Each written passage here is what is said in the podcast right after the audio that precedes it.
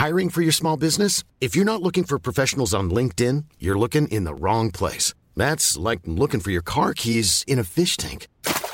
LinkedIn helps you hire professionals you can't find anywhere else, even those who aren't actively searching for a new job but might be open to the perfect role. In a given month, over 70% of LinkedIn users don't even visit other leading job sites. So start looking in the right place. With LinkedIn, you can hire professionals like a professional. Post your free job on linkedin.com slash people today.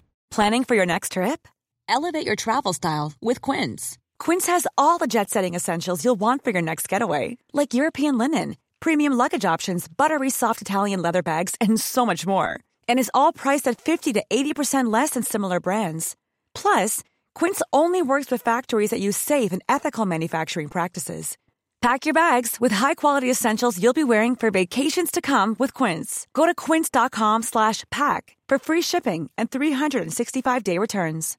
Hey Dave. Yeah, Randy. Since we founded Bombus, we've always said our socks, underwear, and t-shirts are super soft. Any new ideas? Maybe sublimely soft. Or disgustingly cozy. Wait, what? I got it. Bombus. Absurdly comfortable essentials for yourself And for those facing homelessness. because one purchased equals one donated. Wow, did we just write an ad?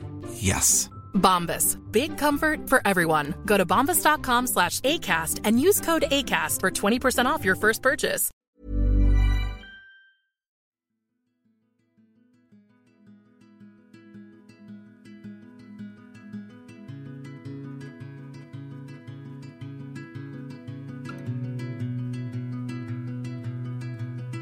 Hej och varmt välkomna till podden Sorgsnack. Det här är en podd som berör allt som har med sorg och svåra förluster att göra. När livet inte blev som vi hade tänkt, när något oväntat händer och hela ens liv vänds upp och ner över en dag och när vi tvingas ta farväl av någon vi älskar. Min förhoppning är att genom podden bidra till att hjälpa andra människor, ge stöd, utbilda och sprida kunskap och inte minst inge hopp. Jag som gör podden heter Lia Persson, är journalist i grunden och även certifierad handledare i sorgbearbetning. Idén till podden föddes ett år efter att jag förlorade mitt första barn. Det här var början på mitt nya liv.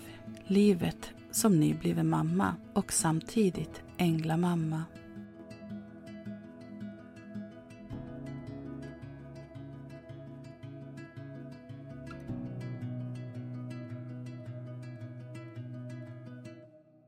Hej alla härliga poddlyssnare!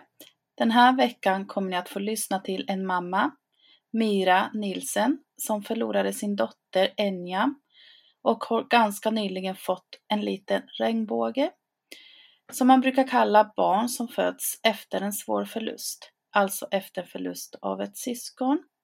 Lite så att efter regnet kommer solsken igen och den här lilla regnbågen för med sig ljuset och färgerna återigen i livet. Men å andra sidan betyder det inte alls att det tar bort smärtan eller saknaden efter det barnet man har förlorat. Även om det självklart kan underlätta att ta sig igenom sorgen och känna att det ger en mening, att livet ändå känns meningsfullt igen. Så idag ska vi samtala kring hur det är att faktiskt gå igenom ännu en graviditet efter en förlust och alla de känslorna som det uppstår och hur det är att komma ut ur det hela med en liten bebis i famnen. Så idag säger jag hej och välkommen till podden Mira som är med oss via Hej. länk. Tack! Hej! Hej Lea! Jag hoppas allting är fint med dig och bebisen. Ja då. Kan du börja med att ta oss tillbaka och berätta om vad som hände med din dotter Enja? Ja, absolut. Jo, jag blev gravid med Enya i maj 2021. Då eh, var det en vacker dag i, i maj som jag tog det här graviditetstestet ute i solen och eh, kände bara sån enorm glädje när jag såg det här plusset. Och som tur var och som väldigt, väldigt tacksam för så var vi ett av de paren som det gick snabbt för när vi väl hade bestämt oss att vi ville ha ett barn. Men det var ändå efterlängtat såklart och ja, vi blev så, så lyckliga när vi såg det här plusset, första barnet. Och eh, graviditeten i sig var, ja men som en graviditet brukar vara, väldigt illamående i början och visst, jag var ganska illamående ganska långt in på ja, men vecka 18 där kanske, från och till. Och, ehm, men, men jag mådde bra överlag och hade en väldigt, väldigt fin känsla av det här. Och vi gjorde de här eh, vanliga testerna med kub och kubtestet och rutinultraljud. Och ehm, det var ju så att vi, när vi gjorde rutinultraljudet så valde vi att göra det privat eftersom det var de här efterdyningarna av covid på sjukhusen fortfarande. Så att partner fick inte följa med till specialistmödravården där eh, rutinultraljudet skulle göras utan så vi valde att boka privat. Vi gjorde det här ultraljudet och eh, ja, blev bemötta av en ganska Eh, stel och eh, inte jättevarm kvinna, lite äldre kvinna och eh, det har också satt lite spår i mig efter det hon sa på ultraljud eller på undersökningen. För allting var väldigt fint. Hon sa att under hela undersökningen så sa hon att men det ser jättefint ut. Det är en flicka och ja, där har vi det och där har vi det och det ser fint ut. Och sen så på slutet så sa hon ja, men där är någonting på, på hjärtat som jag inte riktigt kan avgöra. Jag kan inte riktigt se. Det kan vara att bebisen ligger lite konstigt. Men vänster förmak var lite, lite annan storlek än höger eller ja, det var något sånt. Jag minns inte riktigt. Men hon ville i alla fall att vi skulle boka en, eller hon ville skicka en remiss till specialistmödravården. Så vi kom ändå dit i slutändan där vi egentligen skulle göra första ultraljudet.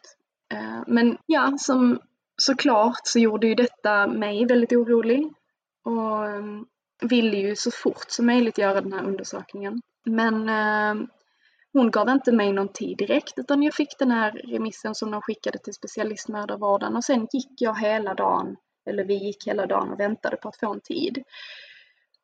Och jag kan säga att det var ren och skär tortyr. Eh, för att vi gjorde den här undersökningen då klockan nio på morgonen och hörde ingenting på hela dagen. Så att jag ringde på eftermiddagen tillbaka till privatkliniken och sa att jag vill gärna ha en tid ganska snart för jag är jätteorolig på vad det här kan vara. Jag vet ingenting. Det är mitt första barn. Är det vanligt att det kan vara så här eller det, kan det vara någonting allvarligt just eftersom det var hjärtat? Och man hinner ju googla väldigt, väldigt mycket på den tiden.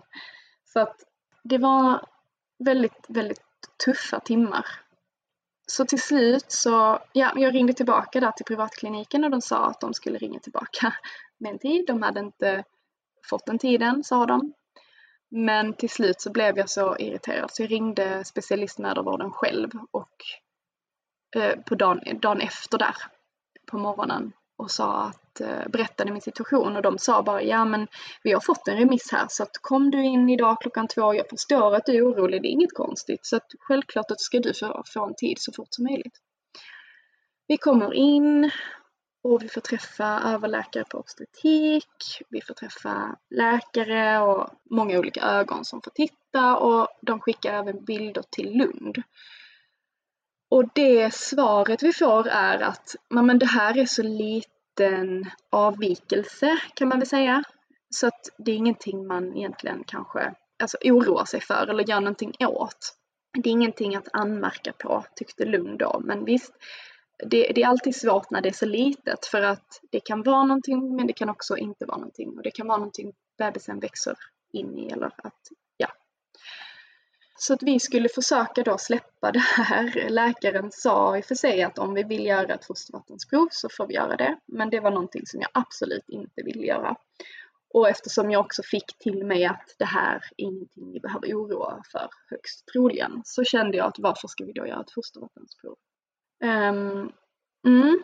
Och eh, vi lämnar sjukhuset och dagarna går och veckorna går och jag försöker verkligen släppa släppa den här oron och min partner han, han är inte alls orolig utan han släpper det. Medan jag, det är någonting som gnager i mig som känns lite eh, jobbigt eller väldigt jobbigt från och till. Ibland kan jag slappna av men ibland känner jag den här gnagande känslan av att någonting kanske ska, skulle vara fel. Men när vi kommer till ungefär vecka 28 och det här kan jag ju tillägga att det var en väldigt, väldigt livlig bebis i min mage och jag hade moderkakan i bakväg så jag kände henne väldigt, väldigt tidigt för det första. Men också väldigt mycket, hon hade väldigt fint mönster av rörelse i magen. Men ja, så kommer vi till vecka 28 och då tar jag liksom och bestämmer mig att nej men jag släpper den här oron nu. Jag går in i full tillit och bara hänger mig till den här graviditeten.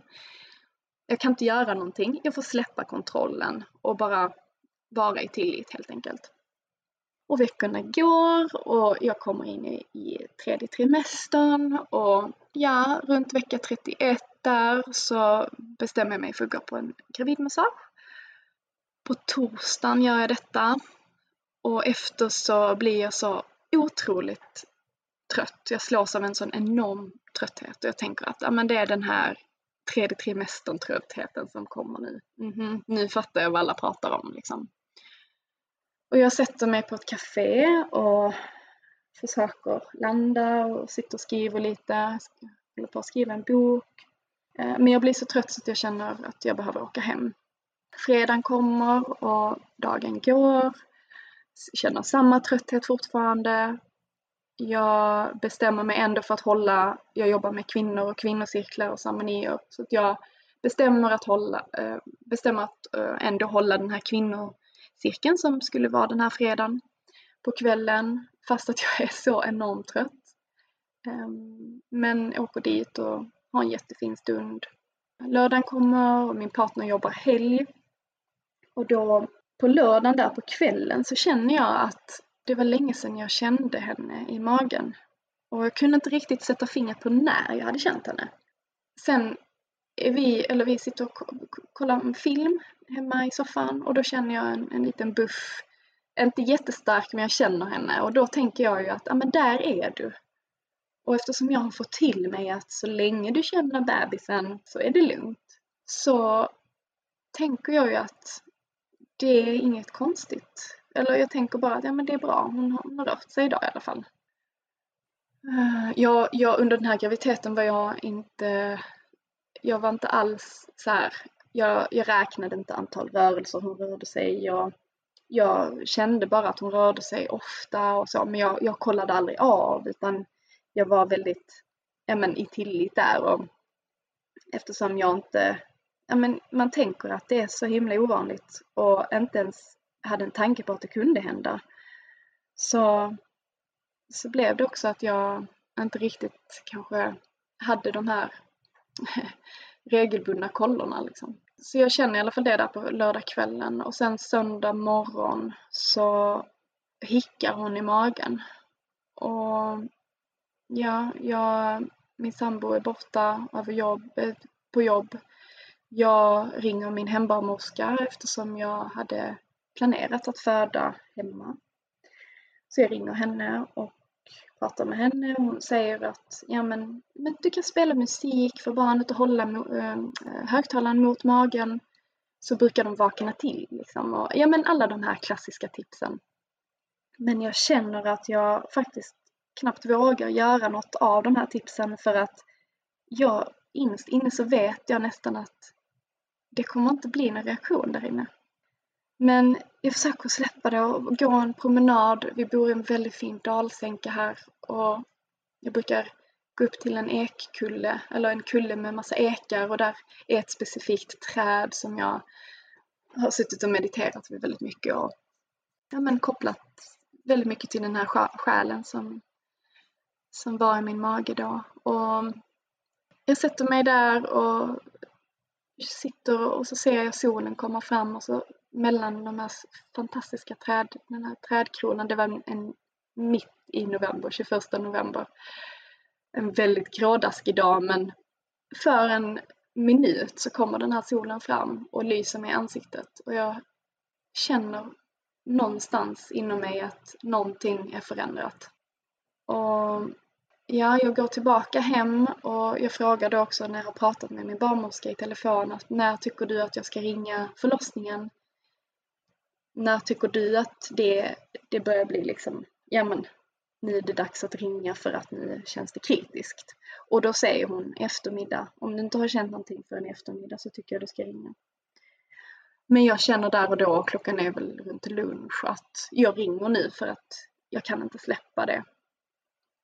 Prata med förlossningen och de tycker jag ska komma in direkt. Medan jag inte riktigt kan koppla varför ska jag komma in direkt? Det kan väl inte vara så bråttom? Och min partner är ju på jobb så jag måste ju vänta in honom. Jag vill inte åka in själv. Så jag ringer min pappa som får hämta mig eftersom mm, Axel, min partner, har bilen på jobb. Så pappa hämtar mig och vi hämtar upp Axel. Detta är ungefär vid klockan fyra tiden. Axel kan gå tidigare från jobb.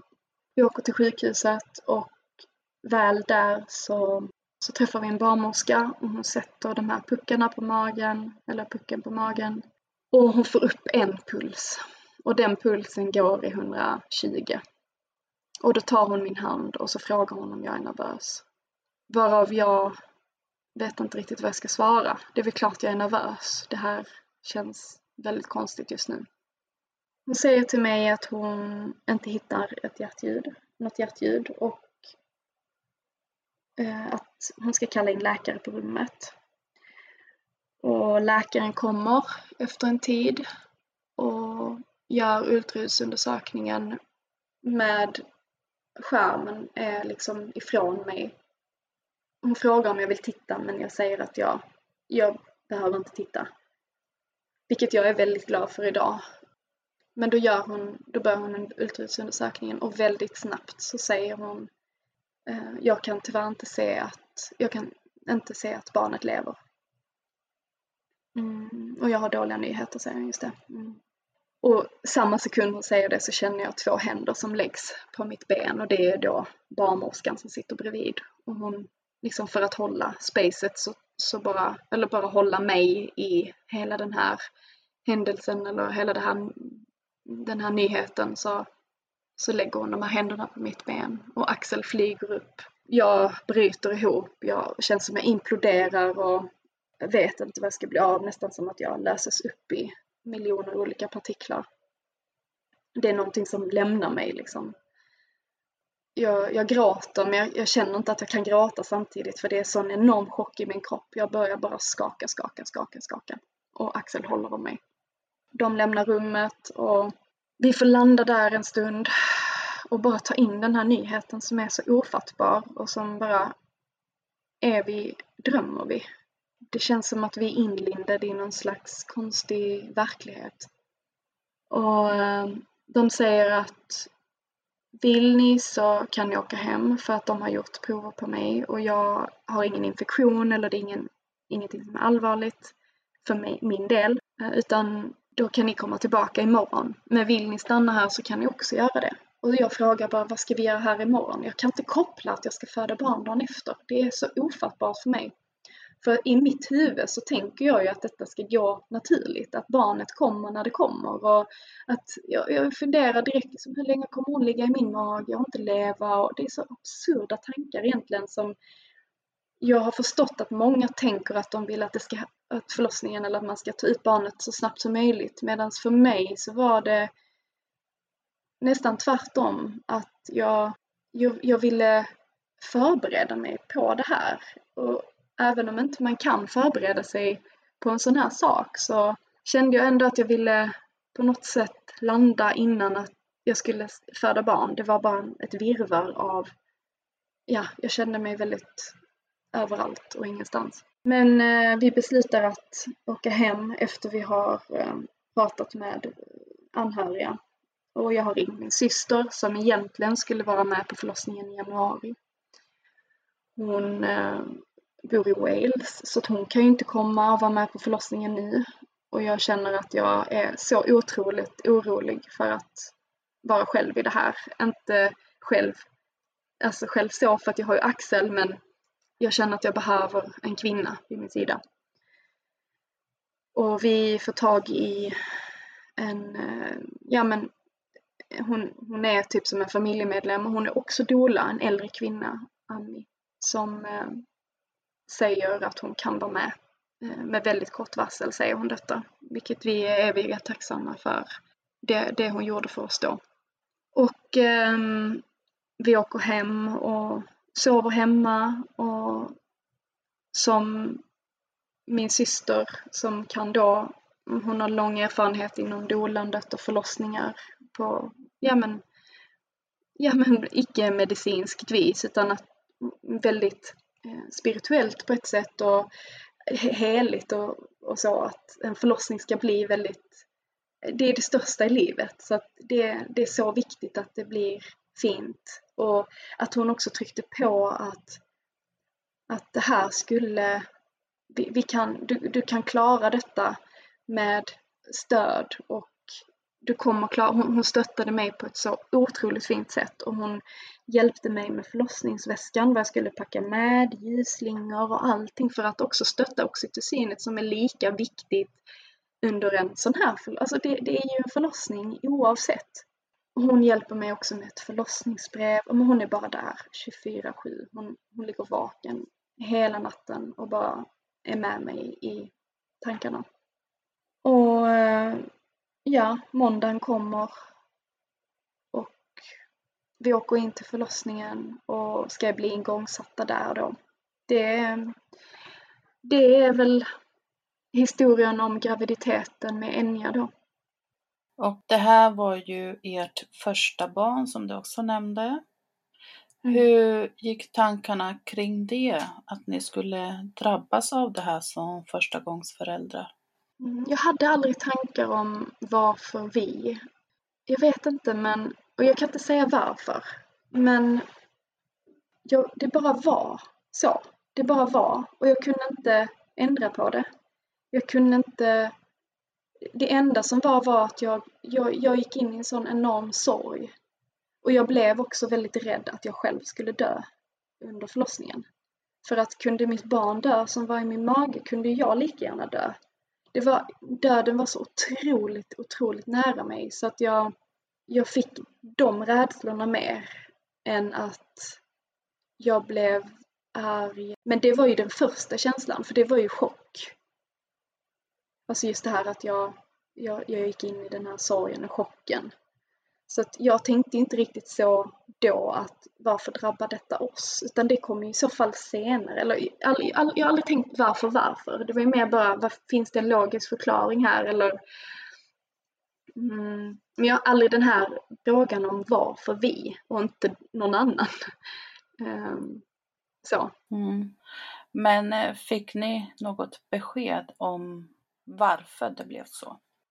Ja, vi fick svar på, eh, vi valde faktiskt att eh, obducera för att vi ville, vi ville se och vi ville, om det fanns svar, få svar. För att vad vi har förstått så är det väldigt vanligt att man inte får svar. Och eh, att få svar kan också hjälpa en att acceptera och släppa. Och, eller inte släppa, men släppa på ett sätt men, ja, men hitta en acceptans och ja, gå vidare på ett sätt. En del av en eh, kan gå vidare. Vi valde att obducera och vi fick svar. Ehm, och vi har valt att inte mm, egentligen gå ut med vad det var Enya hade. För det är också för hennes skull, integritet, ja, det är en stark känsla som vi båda har att vi vill. Och folk som har skrivit till mig och frågat har vi berättat för, men och såklart nära och kära vet, men Mm. så här, offentligt har vi inte gått ut med det och väljer att inte göra det. Men vi fick svar och det tog ju fem veckor innan vi fick det svaret. Och det var ju en väldigt jobbig tid.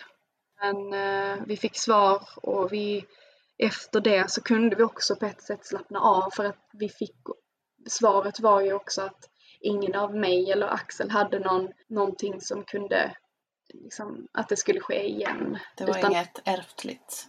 Mm, Inget ärftligt precis. Det var ju bara ren och skär otur. Och egentligen ett under och ett mirakel istället att hon hade klarat sig så långt.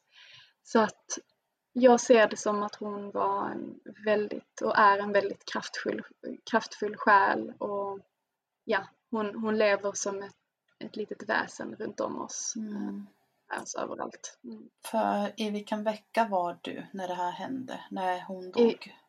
Ja, i vecka 30. Precis på vägen i 31. Ja, precis. Det är ju väldigt... Eller det är ju långt in i graviditeten såklart.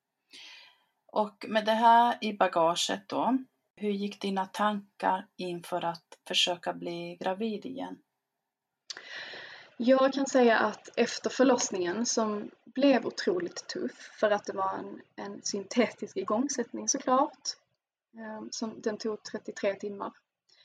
Och eh, ja men den blev trots allt jag, jag var i min kraft under hela förlossningen och jag hade sånt enormt stöd och det tror jag gjorde också att jag kände direkt efter att jag, att jag, alltså jag sa på förlossningen efter hon var född att jag kan föda barn nästa vecka igen. Jag klarar detta. Så att jag kände aldrig att jag var rädd för att föda barn eller att jag, jag var redan i tanken om att jag ville bli gravid så fort som möjligt. Och samtidigt så ville vi ju såklart, jag, det viktiga för mig var att läka och stötta kroppen efter en sån händelse och en graviditet och en förlossning eh, så mycket som möjligt och landa innan vi skulle försöka igen och också få svar på om, vi, om det var, alltså eh, det som hade hänt. För att vi ville ju inte börja försöka innan det ifall det var någonting som behövde utredas med mig och Axel. Men jag kände väldigt snabbt att jag ville jag var ju, det var ju ett barn som saknades och mina armar var ju tomma. Mina bröst ville ju am, alltså ammas. Och jag minns att varje gång jag duschade och tittade på mina bröst så bröt jag ihop för att jag kände bara att de ska ju inte vara, de ska ju vara till mitt barn nu. Så jag kunde nästan knappt liksom duscha utan att bryta ihop för varje gång när jag såg min kropp eller mina bröst. Och det, ja, det var en sån enorm tomhet och saknad så att det var verkligen, eh, jag ville ju bara att det skulle ske så snabbt som möjligt och samtidigt så, så jobbade jag också jättemycket på att ta ett steg tillbaka och verkligen läka från grunden. Både fysiskt, mentalt, ja, allt. Och det jobbade jag mycket på och kämpade också för att få en sjukskrivning. Tyvärr måste jag säga att jag fick kämpa för att få eh, förlängd sjukskrivning. För man, blir ju, man får ju mammadagar först en månad och sen måste man bli sjukskriven efter i så fall. Men det fick jag tyvärr, tyvärr kämpa för. Ehm, hur kommer det sig att du fick kämpa för att bli sjukskriven? Vad var det som hände? Ja, ja, det var inga problem att bli sjukskriven en månad. Men det var sen när det skulle förlängas som det blev väldigt motigt från läkarna som jag träffade. Och jag, jag kan inte svara på varför men jag, det enda jag kan tänka det är att de, ingen kan förstå vad en mamma går igenom som har fått uppleva detta. Och många tror ju att det bästa är att personen i fråga går tillbaka till jobb och det normala livet så fort som möjligt. Medan jag är en person som jag har jobbat väldigt mycket med mig själv. Jag har gjort stora, liksom, ja men, utmanande resor, inre resor.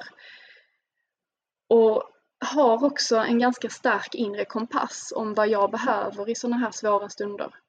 Så att för mig så var det viktigaste kanske att, eller jag visste ju vad det viktigaste var för mig och det var ju att inte isolera mig, vilket många läkare trodde att jag, alltså man ska göra efter en sån här.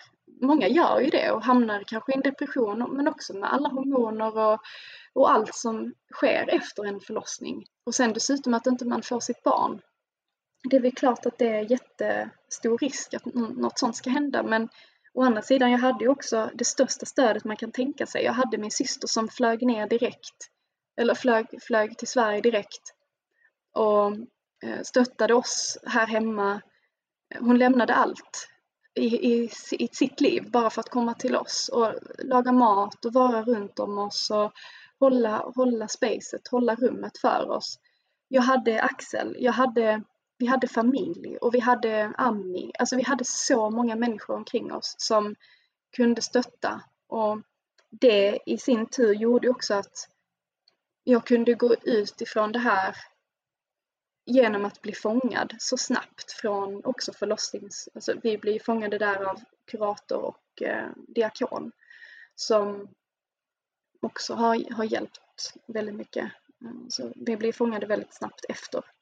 Och det var det viktigaste, att få den snabba hjälpen från alla håll och kanter. Och sen då att själv kanske börja stappla lite på sina fölben och bara säga okej, okay, men vem är den här nya personen jag har gått in i nu? För det är ju en, en ny, ett nytt liv efter en sån händelse. Um, och där var jag väldigt noga med att också trycka på att vad jag, jag, jag ja, men jag visste att jag inte skulle isolera mig. Jag visste, inte, jag visste att jag inte skulle hamna i, eller det visste jag inte, men jag visste i alla fall vad jag behövde och det var ju att jobba i min trädgård till exempel, att träffa djur, att vara bland djur, men också människor som verkligen jag kände mig trygg med. Så det var sådana grejer som jag kände jättestarkt var viktigt och detta var i flera månader efter, så detta var inte direkt efter utan jag tillät mig att bara vila, vila, vila, vila, läka i kroppen efter, en efter den här graviditeten och förlossningen för att sen komma ut och kanske börja på de här sakerna som jag kände att skulle hjälpa mig att läka mer. Men ja, det är ju ett protokoll de går efter oftast. Eh, och jag köper det. Jag tror absolut att många kanske behöver den hjälpen och den vägledningen, men jag behövde inte det. Och det tyckte jag inte de var lyhörda med att lyssna in på riktigt. Utan de gick väldigt mycket efter sitt protokoll och kunde inte riktigt förstå Eh, eller de kunde förstå varför jag mådde dåligt såklart, men de, de tyckte att jag behövde något annat. så att, eh, Ja, nej. Och det är ju så som du är inne på också, det är ju så individuellt. Mm. Vissa vill och behöver till exempel gå tillbaka till jobbet direkt efter eller ganska mm. omgående. Medan andra behöver få lite mer tid för, för sig själv.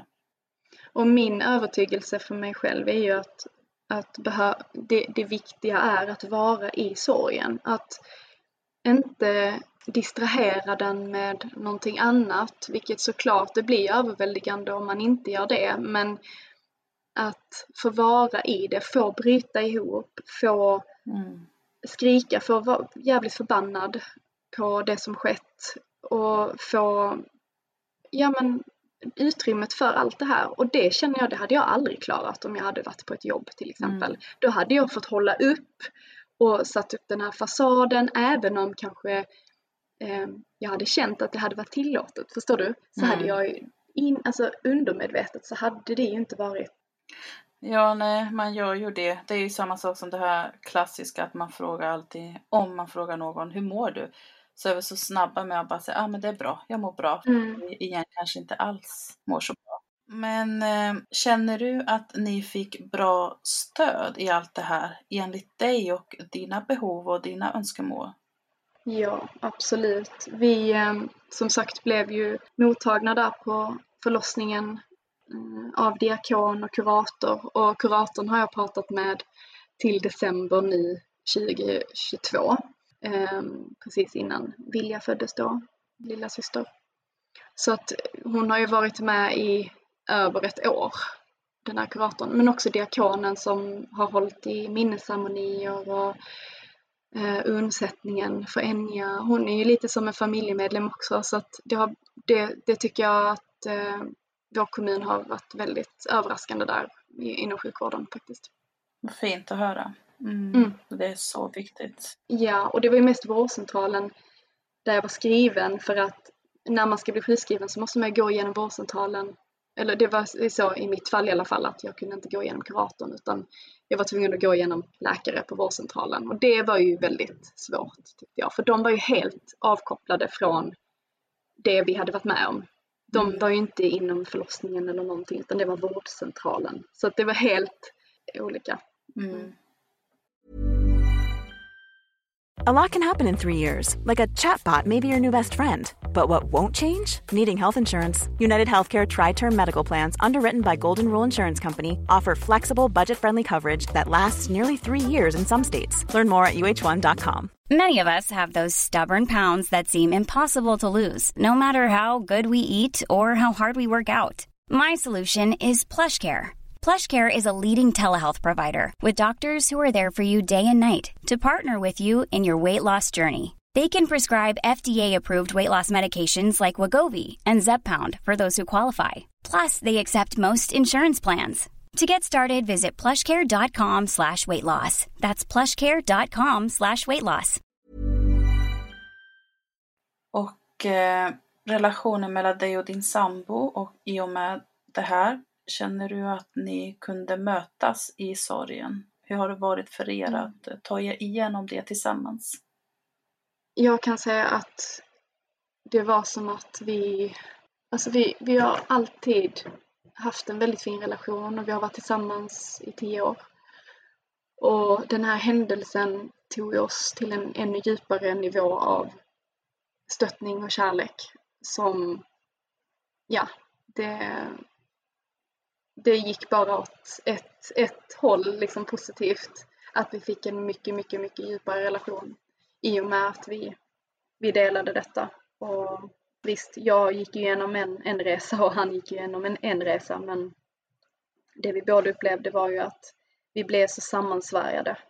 Och det var otroligt tufft. Men den biten gjorde att vi också fick eh, en mycket större kärlek till varandra också.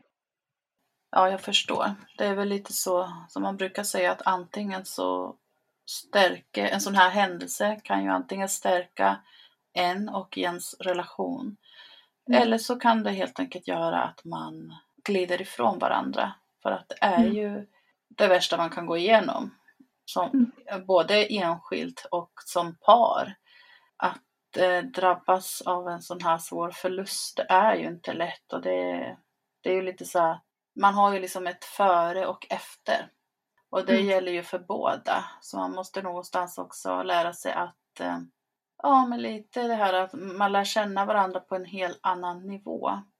Mm. Och alltså han var ju mitt uppe i sin utbildning och det som var så fantastiskt på många sätt var att han kunde jobba hemifrån för att han höll på med ett projekt. Och så att varje morgon, jag minns hur vi varje kväll somnade tätt, tätt, tätt intill och både han och jag har ganska problem, alltså mycket problem med så här värme när man ska sova. Men vi kunde inte somna utan att bara hålla om varandra. Och varje morgon han vaknade så, så gick han ner och jobbade.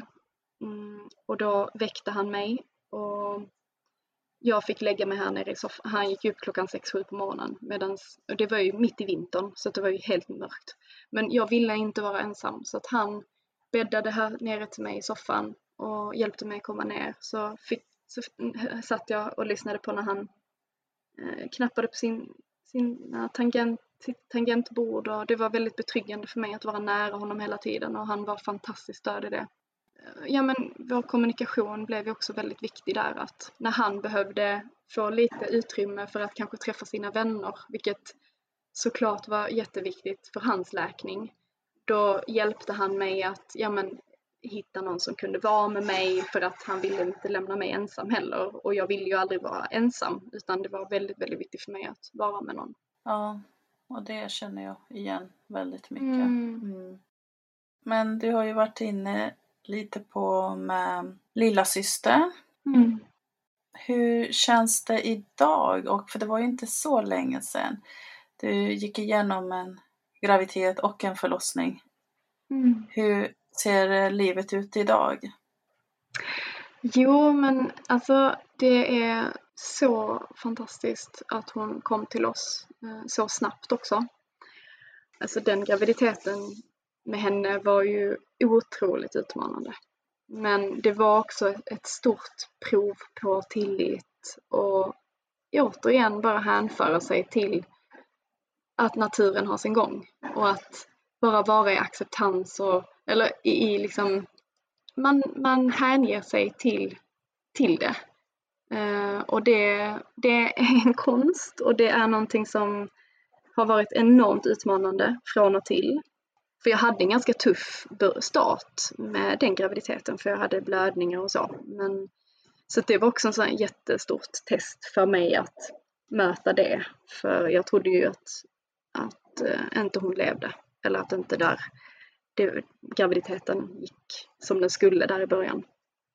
Mm, men eh, och det är klart att allting har ju satt sina spår väldigt tydligt i händelser. Jag, jag försöker jobba på att släppa oro eh, när, jag, när vi ska sova till exempel. Så kan jag bli väldigt orolig ibland. Nu känner jag, nu har jag släppt det lite grann men i början var det väldigt, och det är ju en ganska normal känsla vet jag för mammor. Alltså det är ju modersinstinkten att andas hon eller kolla av hela tiden. Och jag vet att det kan vara lite enerverande för min partner ibland. Men, men eh, det, får, det får bara vara så. Och det, finns det en, en respekt i det eller eh, att möta det med respekt så kommer det också släppas snabbare, vilket jag känner att det har redan börjat släppa eh, mycket av den oron. Så vet jag inte alls hur det kommer att se ut framöver. Jag kanske kommer att bli en lite mer orolig mamma när hon också växer upp.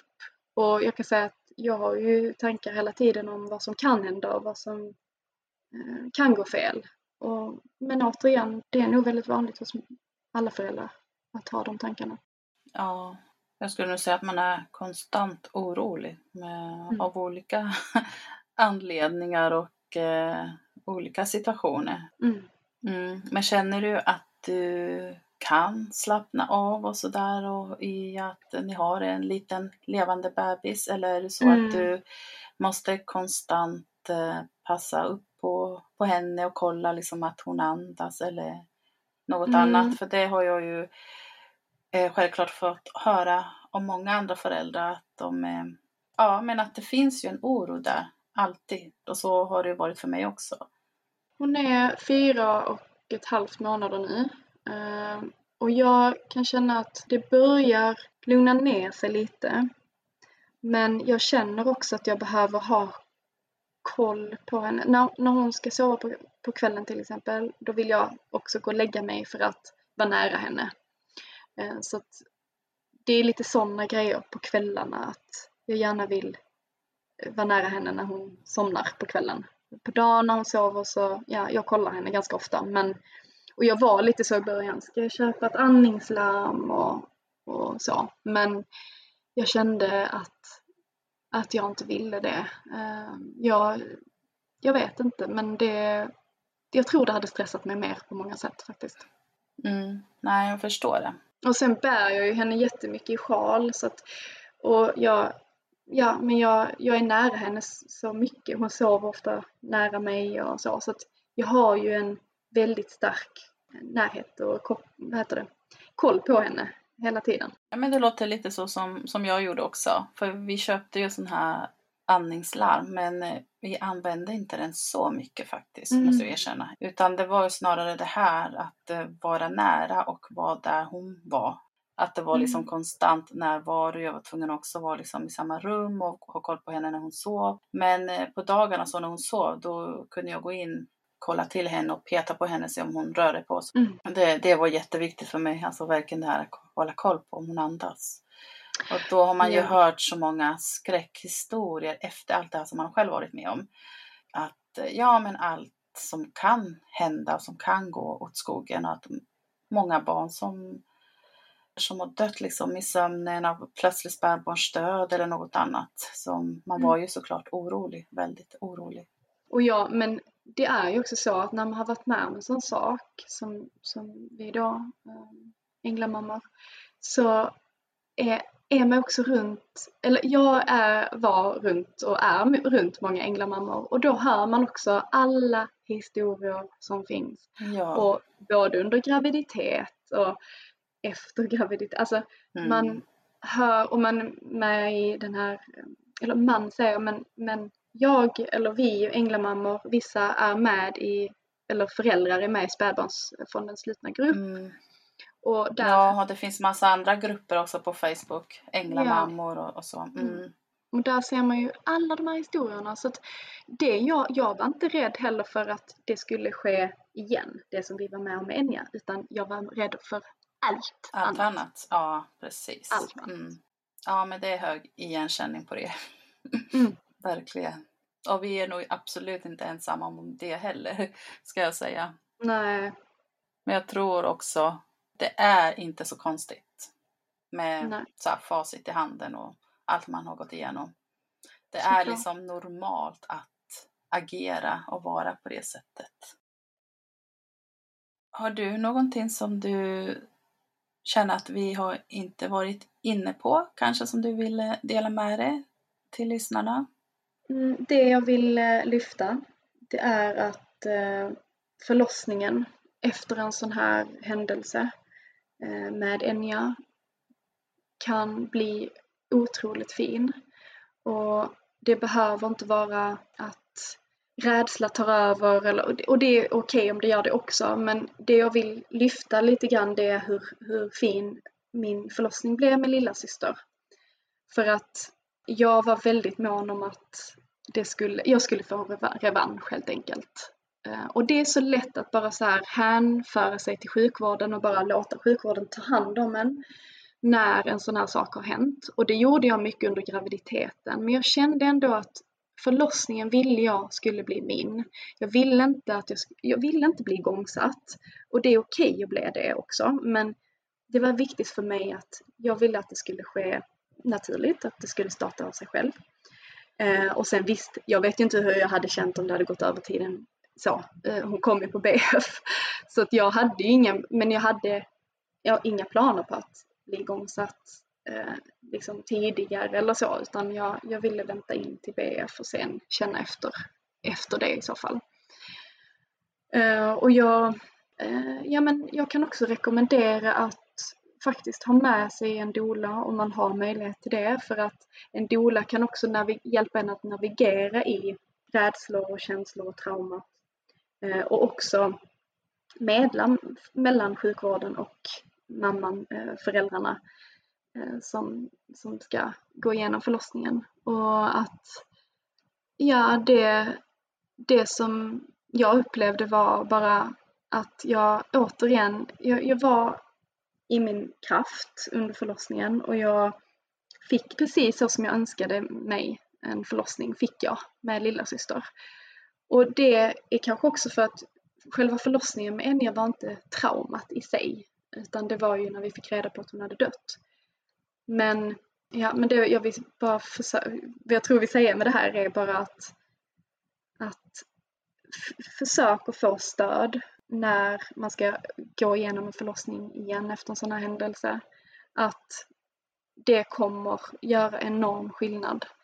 Och att, ja, det, det kan bli väldigt fint. Och det, jag tror det är viktigt att också, att man inte bara tänker att, för det tänkte jag i början att, men vad kan jag önska mig mer än att bara få mitt levande barn? När, eh, när barnmorskan frågade mig, vad har du för önskningar på din förlossning? Vad, vad har du för vision liksom? Och det enda jag kunde svara på då var bara, men vad, vad tror du? Jag vill ha mitt levande barn. Det är det enda jag önskar mig. Sen kan förlossningen bli som den vill. Men å andra sidan så hjälpte min syster mig att se det från ett annat perspektiv. Att bara så här, Mira du har rätt att du är värd att, att få den förlossningen du önskar. För att det är lika viktigt att den här förlossningen inte blir ett trauma för att det kan bli ett trauma lika väl om, även om du får ditt, ditt levande barn. Så det hon tryckte på mycket där var att bara så här, ja men försök att och ha visioner och ha önskningar och se dig själv att du är värd det. Så, så att det, det är någonting som jag också bara vill lyfta att det är viktigt att, ja, försöka att se det så liksom. Att man är värd det. Mm. Ja men verkligen. Så bra av henne att säga så. Mm. För det kan vara lätt att man glömmer bort eller inte tänker på det ju mitt i allt. Och som du säger, det, det enda man vill ju, det viktigaste, allra, allra viktigaste är ju att lämna sjukhuset med sitt barn i famnen. Mm. Men det är ju som sagt, resan dit är ju minst lika viktigt egentligen. Mest för en själv också. Man Mm. får en fin upplevelse. Absolut. Men jag tycker att med dessa ord kan vi sätta stopp för den här gången. Det har varit jättefint att få ta del av din berättelse och även Enjas historia såklart. Så jag är Mm. så tacksam att du ville dela med dig. Mm, tack för att jag fick berätta om, om den historien och ja, tack för att du gör den här podden. Det är väldigt fint. Tack själv. Och det viktigt värmer att prata om. verkligen. Ja. Mm. Till er som har lyssnat, ett stort tack. Och glöm inte att du kan följa mig på Instagram och Facebook och där hittar du mig under namnet Sorgsnack. Och följ gärna även mitt andra konto på Instagram, Soy Consulting. Kram och ta hand om er så hörs vi igen nästa vecka. Hej då! Hejdå!